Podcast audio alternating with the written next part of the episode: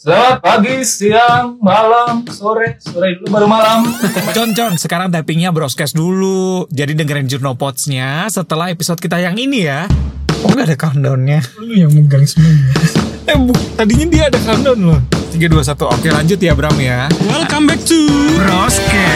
Bram Reza ngobrol santai di Podcast. Yeay Halo pendengar Broscast. Aduh. Seperti biasa udah hari Jumat kita akan bahas film Tapi weekend ini kita bahas agak yang ringan-ringan aja. Kalau minggu lalu kita bahas soal mobil-mobil balapan Sekarang kita bahas film keluarga ya Bram ya. Oh tayang. Karena kan memang lagi apa ya PPKM Mikro lebih ketat gitu sekarang Biar kita kumpul Hmm. sama keluarga. Nontonnya film keluarga juga. Nah kita akan bahas rekomendasi. Benar. Benar, hari ini adalah Ali dan Ratu-Ratu Queens. Ada yang gede banget siapa? Patung Liberty. Patung Liberty berarti ada di New York. Mama terbang dulu ke New York ya nak. Ya. Nanti kalau Mama sukses, kamu tinggal sama Mama di New York. Oke? Kita itu semua cuma melindungi kamu. Mama tuh ternyata pernah kirim tiket buat Ali Bude. Masa sih Bude sampai hati ngelarang anaknya yang pengen ketemu sama ibunya?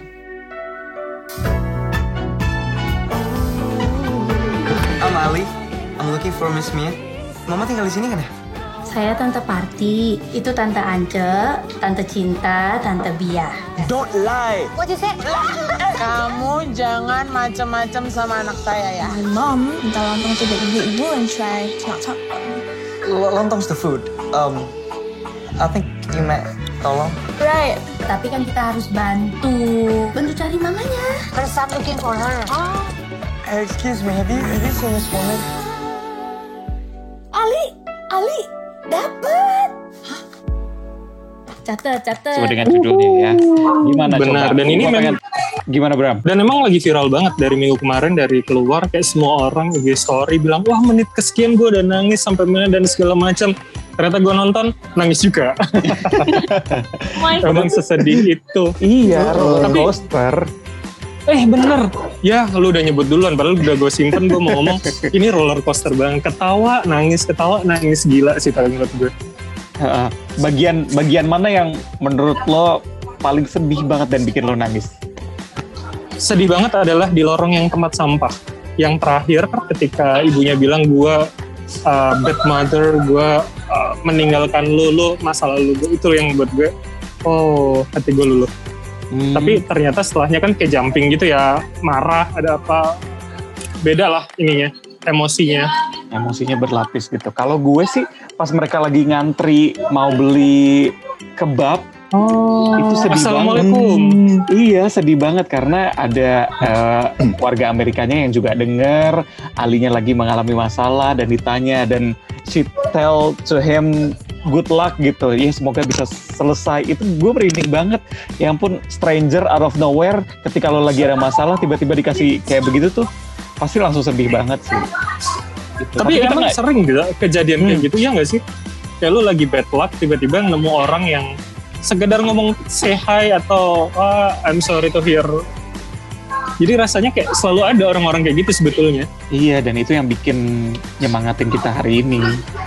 Eh, Hmm, maksudnya ketika asik. lagi bad day.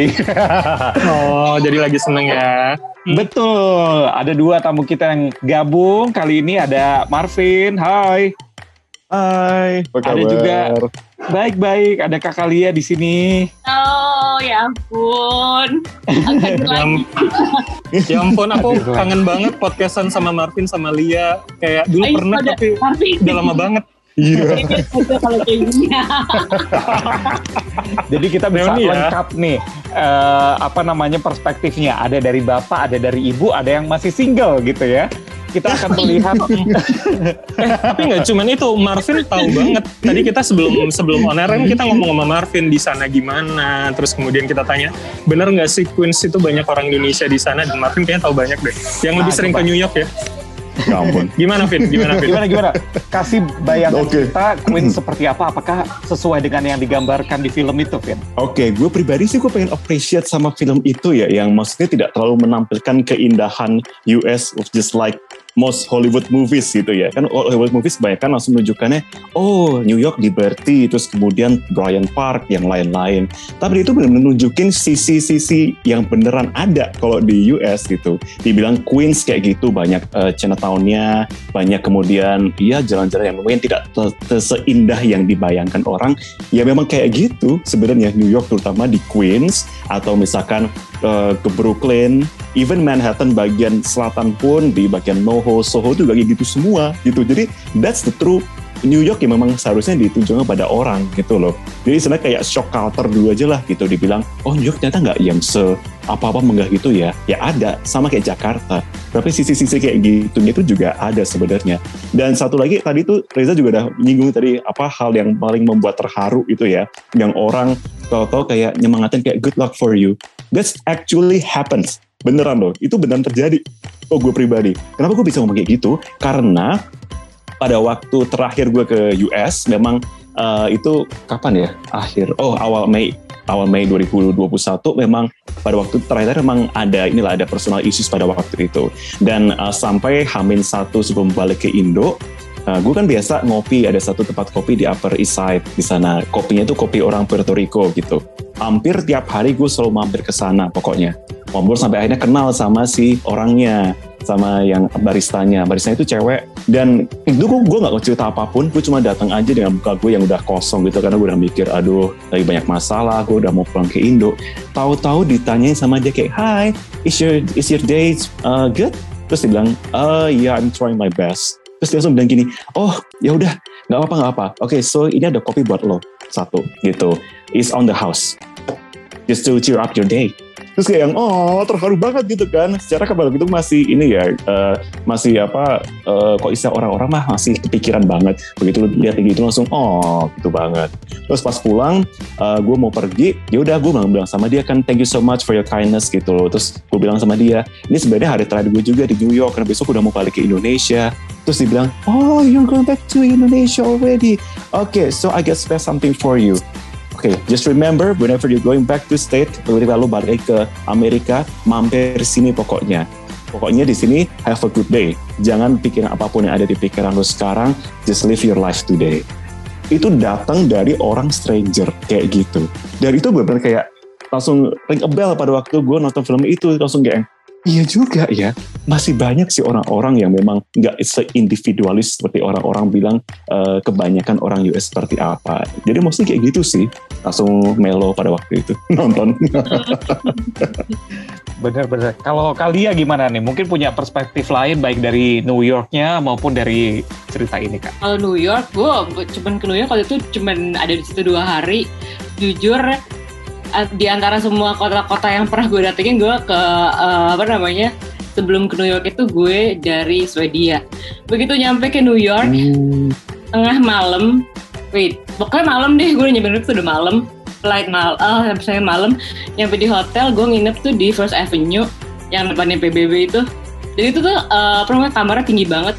Gue tuh shock banget bener-bener yang kayak orang kampung datang ke kota segede gitu kayak gila ini jam 12 malam. New York masih seramai ini yang kayak wing itu bener-bener yang masih sampai malam 24 jam nggak berhenti apa ya bener-bener hektik sehektik itu gitu. Hah, bener nih.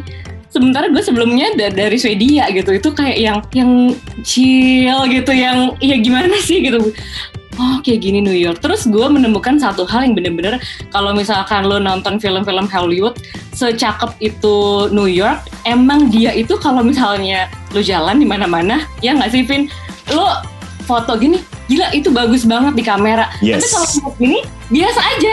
Terus lo gini lagi, Wow, gue bener-bener kaget itu sih gitu. Jadi kalau lu mau filming tuh di New York kayak every stop spot is Instagramable itu bener bener-bener jalan jalan nyebrang karena aja. apa sih? Karena lampu apa? Gak tahu. Semua semua ya bener. Itu bener nggak Vin? Lo ngaku itu nggak? Setuju, setuju banget. Setiap postingan apa pun itu gue di New York di Instagram gak pernah pakai filter cuy.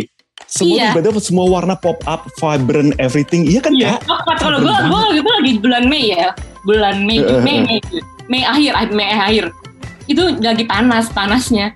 Gue kaget, bener-bener kaget lihat gue gini ya. Ini kamera waktu itu kan belum pakai handle gue tahun 2012 waktu itu pasan 2013. Blackberry ya. gue ngeliat gini pakai kamera gue biasa aja. Bahkan yang namanya si underground apa namanya eh, subway apa Subway. namanya si keretanya itu sejelek gitu. Gue kecewa banget kalau gue ke mana ke mana ke mana tuh kan yang kayak lu ke London aja tuh kayak bagus banget gitu keretanya. Lo ke mana? Pas ke New York gue sebrongs ini? Terus yang si liftnya ngek ngek ngek ngek ngek ngek gitu tapi kalau bagus banget. Itu sih. Oh tapi soal Ali nih, kalau soal Ali tunggu, gue mau ngaku dulu. Sebenarnya gue nonton Ali pas gue diajak sama Reza tadi, gue nonton Ali nggak semuanya ya, karena eh, gue cepet-cepetin, jujur, karena gue eh, nggak kuat. Sebel.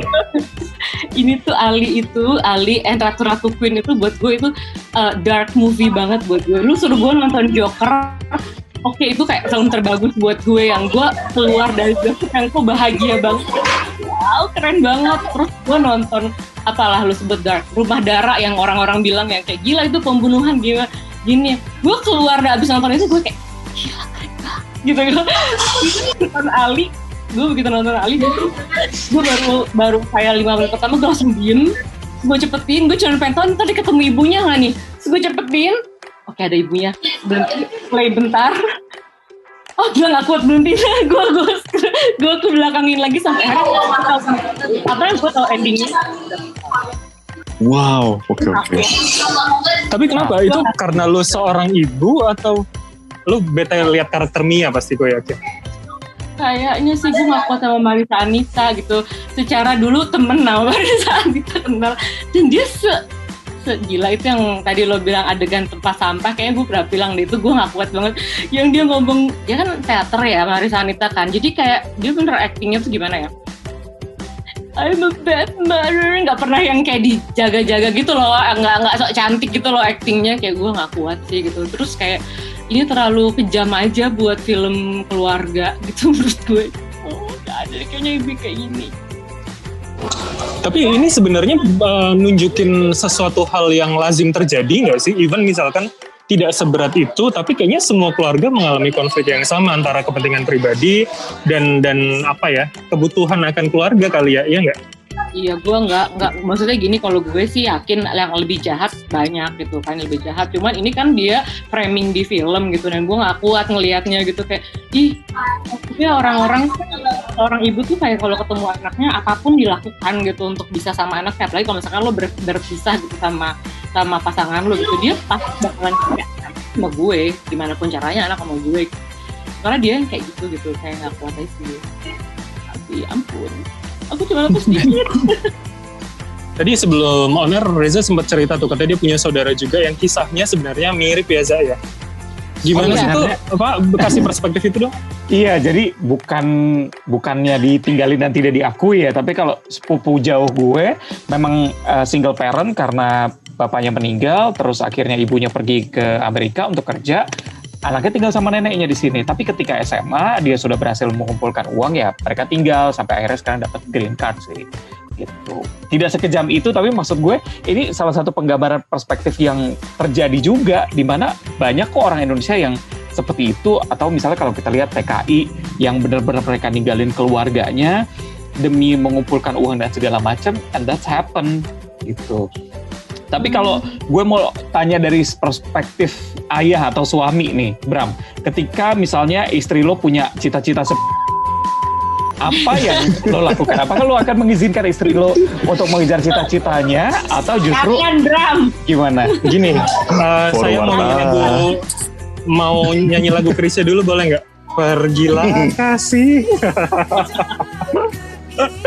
Aduh, gimana gimana Tapi sebenarnya gini, ketika tadi melihat bapaknya Ali, ya kayaknya gue juga begitu. Artinya, artinya ya gue akan misalkan itu terjadi pada pasangan gue, gue akan bilang, ya lu nggak usah mencari special thing di luar sana. Lu udah udah cukup spesial di rumah sebagai orang tua, oh tanya sebagai istri. Iya kalau menurut gue ya. Tapi kan mungkin di beberapa orang ada kebutuhan akan akan aktualisasi diri yang lebih ya dan yang kayak tadi cerita Reza gue juga punya dulu temen T- eh, TK temen SD yang begitu. Jadi bapak ibunya divorce terus kemudian ibunya ke Amerika dia tinggal sama neneknya. Jadi menurut gue mungkin kita nggak tahu konfliknya orang. Mungkin konflik itu tidak gue alamin misalkan.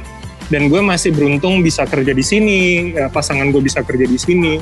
Jadi ya apa ya nggak bisa apple to apple sih kemudian uh, mungkin gue sebel ngeliat realita itu. Tapi gue nggak tahu juga gimana gimana kehidupannya bapak ibunya Ali kan sebenarnya. Kayak gitu sih. Dan dan satu hal menurut gue yang kayak kita sering ngobrolin kalau misalkan lu belum tuntas dengan diri lu belum tuntas dengan mimpi lu ya jangan nikah dulu. Sorry itu saya kalau perspektif gue sih gitu sebagai seorang bapak Yeah. ya. Yeah, that's actually really good point gitu. Ketika memang masih belum ada yang selesai ya jangan dulu. Lebih baik diselesain cita-cita udah semua mapan udah happy dengan diri sendiri baru nanti bisa sharing kebahagiaannya bersama dengan keluarga gitu ya. Tapi coba kita geser kita bahas soal ratu-ratu queens nih. Ada empat ratu-ratu queens. Kalian ngelihatnya gimana sih? Coba gue mau tanya dari Marvin dulu Tapi deh. kan gue gak Seru nonton sih. gitu. gue gak yakin. Aja. Kalau dalam segi film ya, itu tuh apa mereka tuh benar-benar mencuri perhatian banget deh, bener-bener dari karakternya dari si tante cinta, terus kemudian si tante party, terus siapa yang asli Wallace siapa? Aduh, suka banget deh dari karakternya dia. Terus kemudian sama apa? biah biah Oh iya, Bia sama apa? Tiga penggambaran Tante itu bener-bener itu aduh itu penggambaran yang pas lah. Kok dibilang ya jujur ya kok misalnya diaplikasiin beneran sama orang Indonesia kebanyakan yang tinggal di New York misalkan tinggal di uh, Queens memang banyak sih di sana atau Brooklyn or even di Bronx gitu. Ya kayak gitu komunitas Indonesia tuh kuat banget. Jadi isinya tuh campur-campur orangnya. Dari mau dari mana orang Manado orang Surabaya mau orang Jakarta semua tuh kumpul kayak gitu saling support. Gitu jadi kayak bener-bener kayak remind kayak oh iya juga ya dan begitu kemudian misalnya kita ketemu sama orang gitu di eh, New York sana ketemu orang Indonesia itu mereka mereka, mereka senang banget kayak oh kamu dari mana Tonyo? Gitu jadi kayak dari Jogja tante. Oh Jogja. Oh gitu. Saking kuatnya gitu loh chemistry orang bawa, seneng bahwa oh ini sama-sama dari Indonesia ya. Gitu. Makanya begitu lihat ini langsung kayak yang, oh iya iya. Langsung oh tayang gitu kan. Ingat lagi masa-masa itu. Tapi sebenarnya Vin Ali itu cukup beruntung ya dia kehilangan satu ibu Mia tapi dia dapat empat ibu lain gak sih Vin? Si Yes, ratu-ratu bener. Vin? Bener, dan masing-masing ibu itu kayak punya apa inilah tugasnya masing-masing. Dan aduh jujur pada waktu uh, scene terakhir sih ya, pada waktu kemudian si Ali tuh bikinin video itu kan, terus nunjukin dia punya keluarga sekarang, mewek bawang pak saya. Sekarang kan saya udah lagi mau siaran tadi ya ngomong-ngomong ya, tinggal 15 menit lagi loh siaran loh, itu film udah mau selesai kan. Terus pas saya ditunjukin itu terus ada yang apa tante-tantenya itu jadi ibu-ibunya itu langsung mewek saya kan. Karena benar-benar se apa ya sekuat itu tuh loh. Jadi kayak seakan reminder. Film ini tuh kalau menurut gue pribadi tuh bukan hanya yang itu kayak fairy tale aja, tapi benar-benar reminder bahwa ini loh, lu tuh inget gitu bahwa meskipun lu kehilangan satu orang, tapi lu masih punya berkat di belakang lu semua gitu loh yang mungkin lu sering lupa, yang lu mungkin lu sering sepakat. gak tanggepin, yang mungkin lu sering galakin, tapi mereka tuh selalu ada buat lo gitu loh. Meskipun Oh, cara tuh beda-beda gitu. Oh tayang gitu. Wah ini makin gue gak kuat sih nonton. gimana kak Kalia harus kak nonton, harus kak. Oh, Tapi itu eh, apa namanya sih kayak kita nonton yang film-film di Eropa lainnya sih New Yorknya juga kita kayak bisa jalan-jalan cuci mata tentang New York gitu ya. Yap, dari sisi Bronx-nya, sisi ini sih apa Asia. Justru kalau misalkan sisi traveler ya dari film ini, kalau menurutku pribadi, kita jadi bisa tambahin referensi nih, gitu. Pas kita ke New York kan pasti kita pengen referensi? Eh, di mana lokasi Chinatown paling deket gitu kan. Salon-salon atau misalkan restoran Asia di mana kan biasa orang Indonesia kan rewel ya. Kok cari gitu ke sana, aduh mau cari makanan rendang ah di sini, mau cari makanan apa gitu. Kok di New York biasanya yang terkenal Indo Java tuh, makanan-makanan Jawa gitu kan. Film tadi itu kayak nunjukin kayak oh di sini ada, deket sini ada, ya kayak gitu sih, lumayan. Oke, gue masuk sedikit. Mumpung tadi Marvin masih ngomongin rendang, ini netizen ada yang komen kok eh, Mia alias Marisa Anita ketika ketemu Ali di depan pintu, kenapa ngomong rendangnya rendang? ya kan Gimana? suaminya dia bule orang Indonesia. dia kan suaminya bule Did you girls order Iya. rendang? Oh, karena dia mama-mama bule. ya, ya spelling apa ngomong rendangnya ya rendang aja biasa gitu. Netizen salvoknya ke sana. Hmm. Iya sih ya, benar juga ya.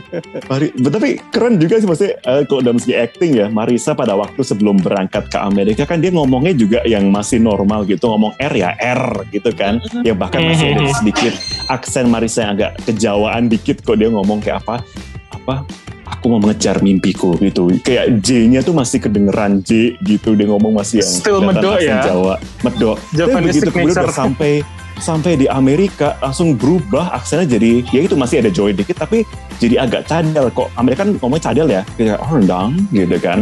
Oh, kok di spell nggak bukan R tapi R gitu rendang gitu. Maksudnya kayak oh, oh, juara juga ini gitu.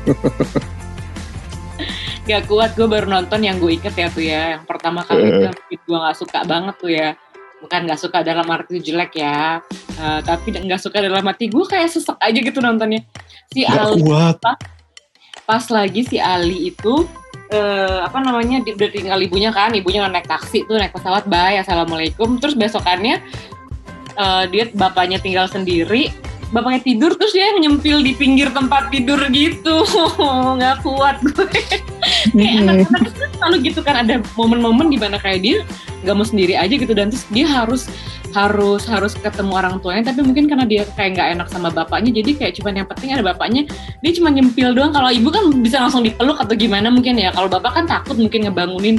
Adegannya gitu banget ya nyempil kayak kucing di pinggir tempat tidur gitu. Wah kuat ya bye. Tapi gue mau nanya dulu kali ya, kalau tadi Reza menanyakan itu ke gue, gimana perspektif lu sebagai seorang ibu? Gimana? Melihat kejadian-kejadian itu kan maksudnya ya Ali juga menceritakan ketika di lorong tempat sampah, gue melihat sang bap, dia melihat bapak itu tiap hari sedih, terus kemudian badannya dingin karena serangan jantung di dapur. Gimana lu sebagai seorang ibu melihat apa ya, ada relationship yang begitu, begitu complicatednya gitu. gue gak kuat pokoknya intinya gini lagi intinya gini kalau misalkan lo nyertain ibu-ibu yang struggling itu emang udah dari lahir ibu-ibu harus kayak gitu gitu. Pada dasarnya emang ibu-ibu se-struggling itu gitu kalau ibu ditinggal suami meninggal gitu terus ibu-ibunya yang kayak banting tulang. Gue gak akan nangis karena menurut gue gue juga akan melakukan yang sama. Tapi kalau lo ninggalin suami sampai lo begitu bisa nggak liatnya gue kayak nggak tega aja gitu Daripada kita sedih, mending kita bahas lagi. Ini ada beberapa netizen yang salfok lagi. Ini apartemen cukup gede dengan empat kamar di Queens, eh, tapi ceritanya adalah di awal Party tinggal berdua dengan Mia. Setelah itu Mia pindah. Party tinggal sendirian. Dari mana Party bisa afford apartemen sebesar itu dengan biaya besar, tapi Mia yang kerjanya juga masih serabutan saat itu. Coba, mungkin kalian punya teori-teori nih bisa ngejelasin itu. Party itu yang ini ya, dia pembantaian. Apa sih? Ini eh, Nirina Zubir. Iya, Iya, yang yang dia pertamanya dikasih duit selipan itu ya. Gue cuma nonton itu deh kayaknya. Iya. Heeh, di bagian-bagian belakang tuh yang dia di dikasih duit itu kan Heeh.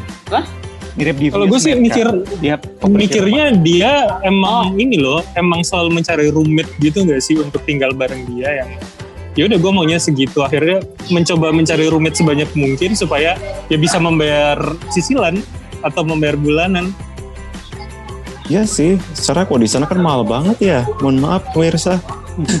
apa beda beda wilayah, beda harga gitu. Makanya bingung juga. Dia kerja si siapa? Party kerja ngurus ini ya, eh, elder ya, apa orang tua gitu ya eh, di panti jompo gitu. Sebenarnya gaji juga nggak seberapa sih.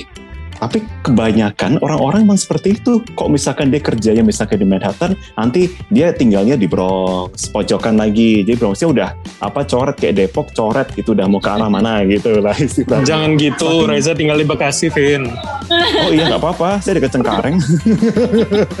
saya juga di timur nih ya itu dia. nggak ada yang di Itu sih downtown ya, kita di pinggiran semua ya. Nggak ada pinggiran semua. saya lupa saya di manain ya. sebutin apa Eh, mana ya? lupa. Eh guys, tapi menurut kalian seberapa urgent sih sebenarnya eh, lokasi New York ini? Sebenarnya kan tidak ada alasan kenapa Mia akhirnya eh, harus mencari atau memenuhi mimpinya ke New York bisa aja misalkan Jakarta, nggak misalkan gitu kan? Iya, Mm-mm. maksud gua kan nggak ada urgensitas kenapa ini harus di New York. Artinya, menurut kalian bisa nggak sih ini lokasinya dipindah, tapi tetap dengan cerita eh, ratu-ratu dan juga Ali? Vin, gimana Vin? Oke. Kalau menurut gue pribadi sih, gue karena masih melihatnya gini ya. Jadi si uh, scriptwriter sama produser sih pinter sih. Dia masih ngebawa perspektif bahwa seluruh dunia, orang di seluruh dunia mana pun, negara apa pun, itu masih punya pikiran mindset American Dream gitu. Mereka pengen ke Amerika, mereka pengen menempuh karir di sana, mereka pengen jadi bintang, pengen punya duit banyak dibawa pulang ke negaranya, termasuk orang Indonesia. Itu banyak banget kayak gitu. Dan itu yang kayaknya dilihat fenomena sosial yang uh, muncul di sekarang, kok menurut gue. Padahal kok kita lihat sebenarnya, the American Dream itu sendiri, kok bagi orang Amerika, itu tuh mereka juga nggak bisa ngedeskripsiin what is the American Dream gitu loh. Ya sama aja, gue hidup hidup gue aja. Gue punya keluarga, gue happy. Gue punya pendapatan lebih, gue happy. Buat yang kerja di sebagai pelayan kayak si Mia pada waktu awal, ya mereka juga hidup dari berdasarkan tip, they happy gitu loh.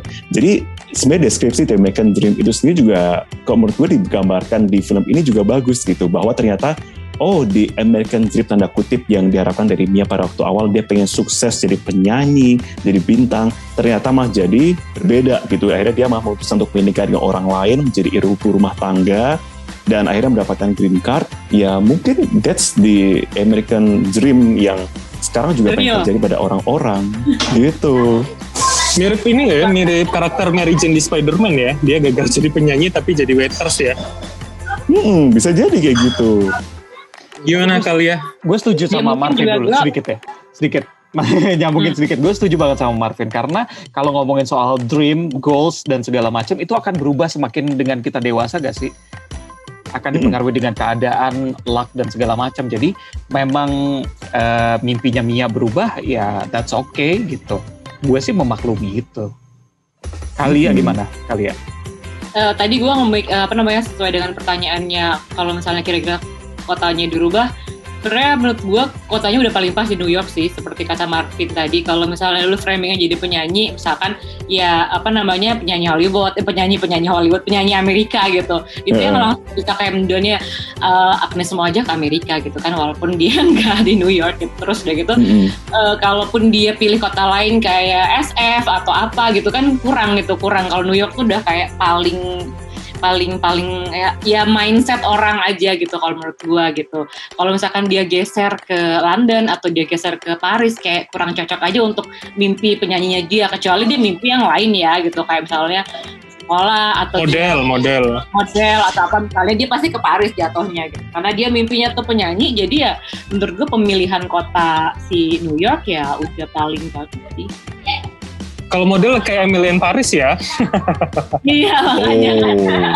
Baik singkat nih guys, coba menurut kalian satu kekurangan dari film ini yang bisa dijelasin secara singkat. Mulai dari Marvin dulu. Oke. Okay ya menurut gue kekurangannya adalah ini small detail yang menurut gue agak mengganggu sampai sekarang sih maklum agak anxious orangnya ya. Itu pada waktu video transisi dari si Ali masih kecil mau ke gede. Itu kan dia istilahnya dia bikin kayak video gitu kan ngompel video dari zaman dia apa videonya si Mia pada waktu masih main piano di rumah lanjut itu.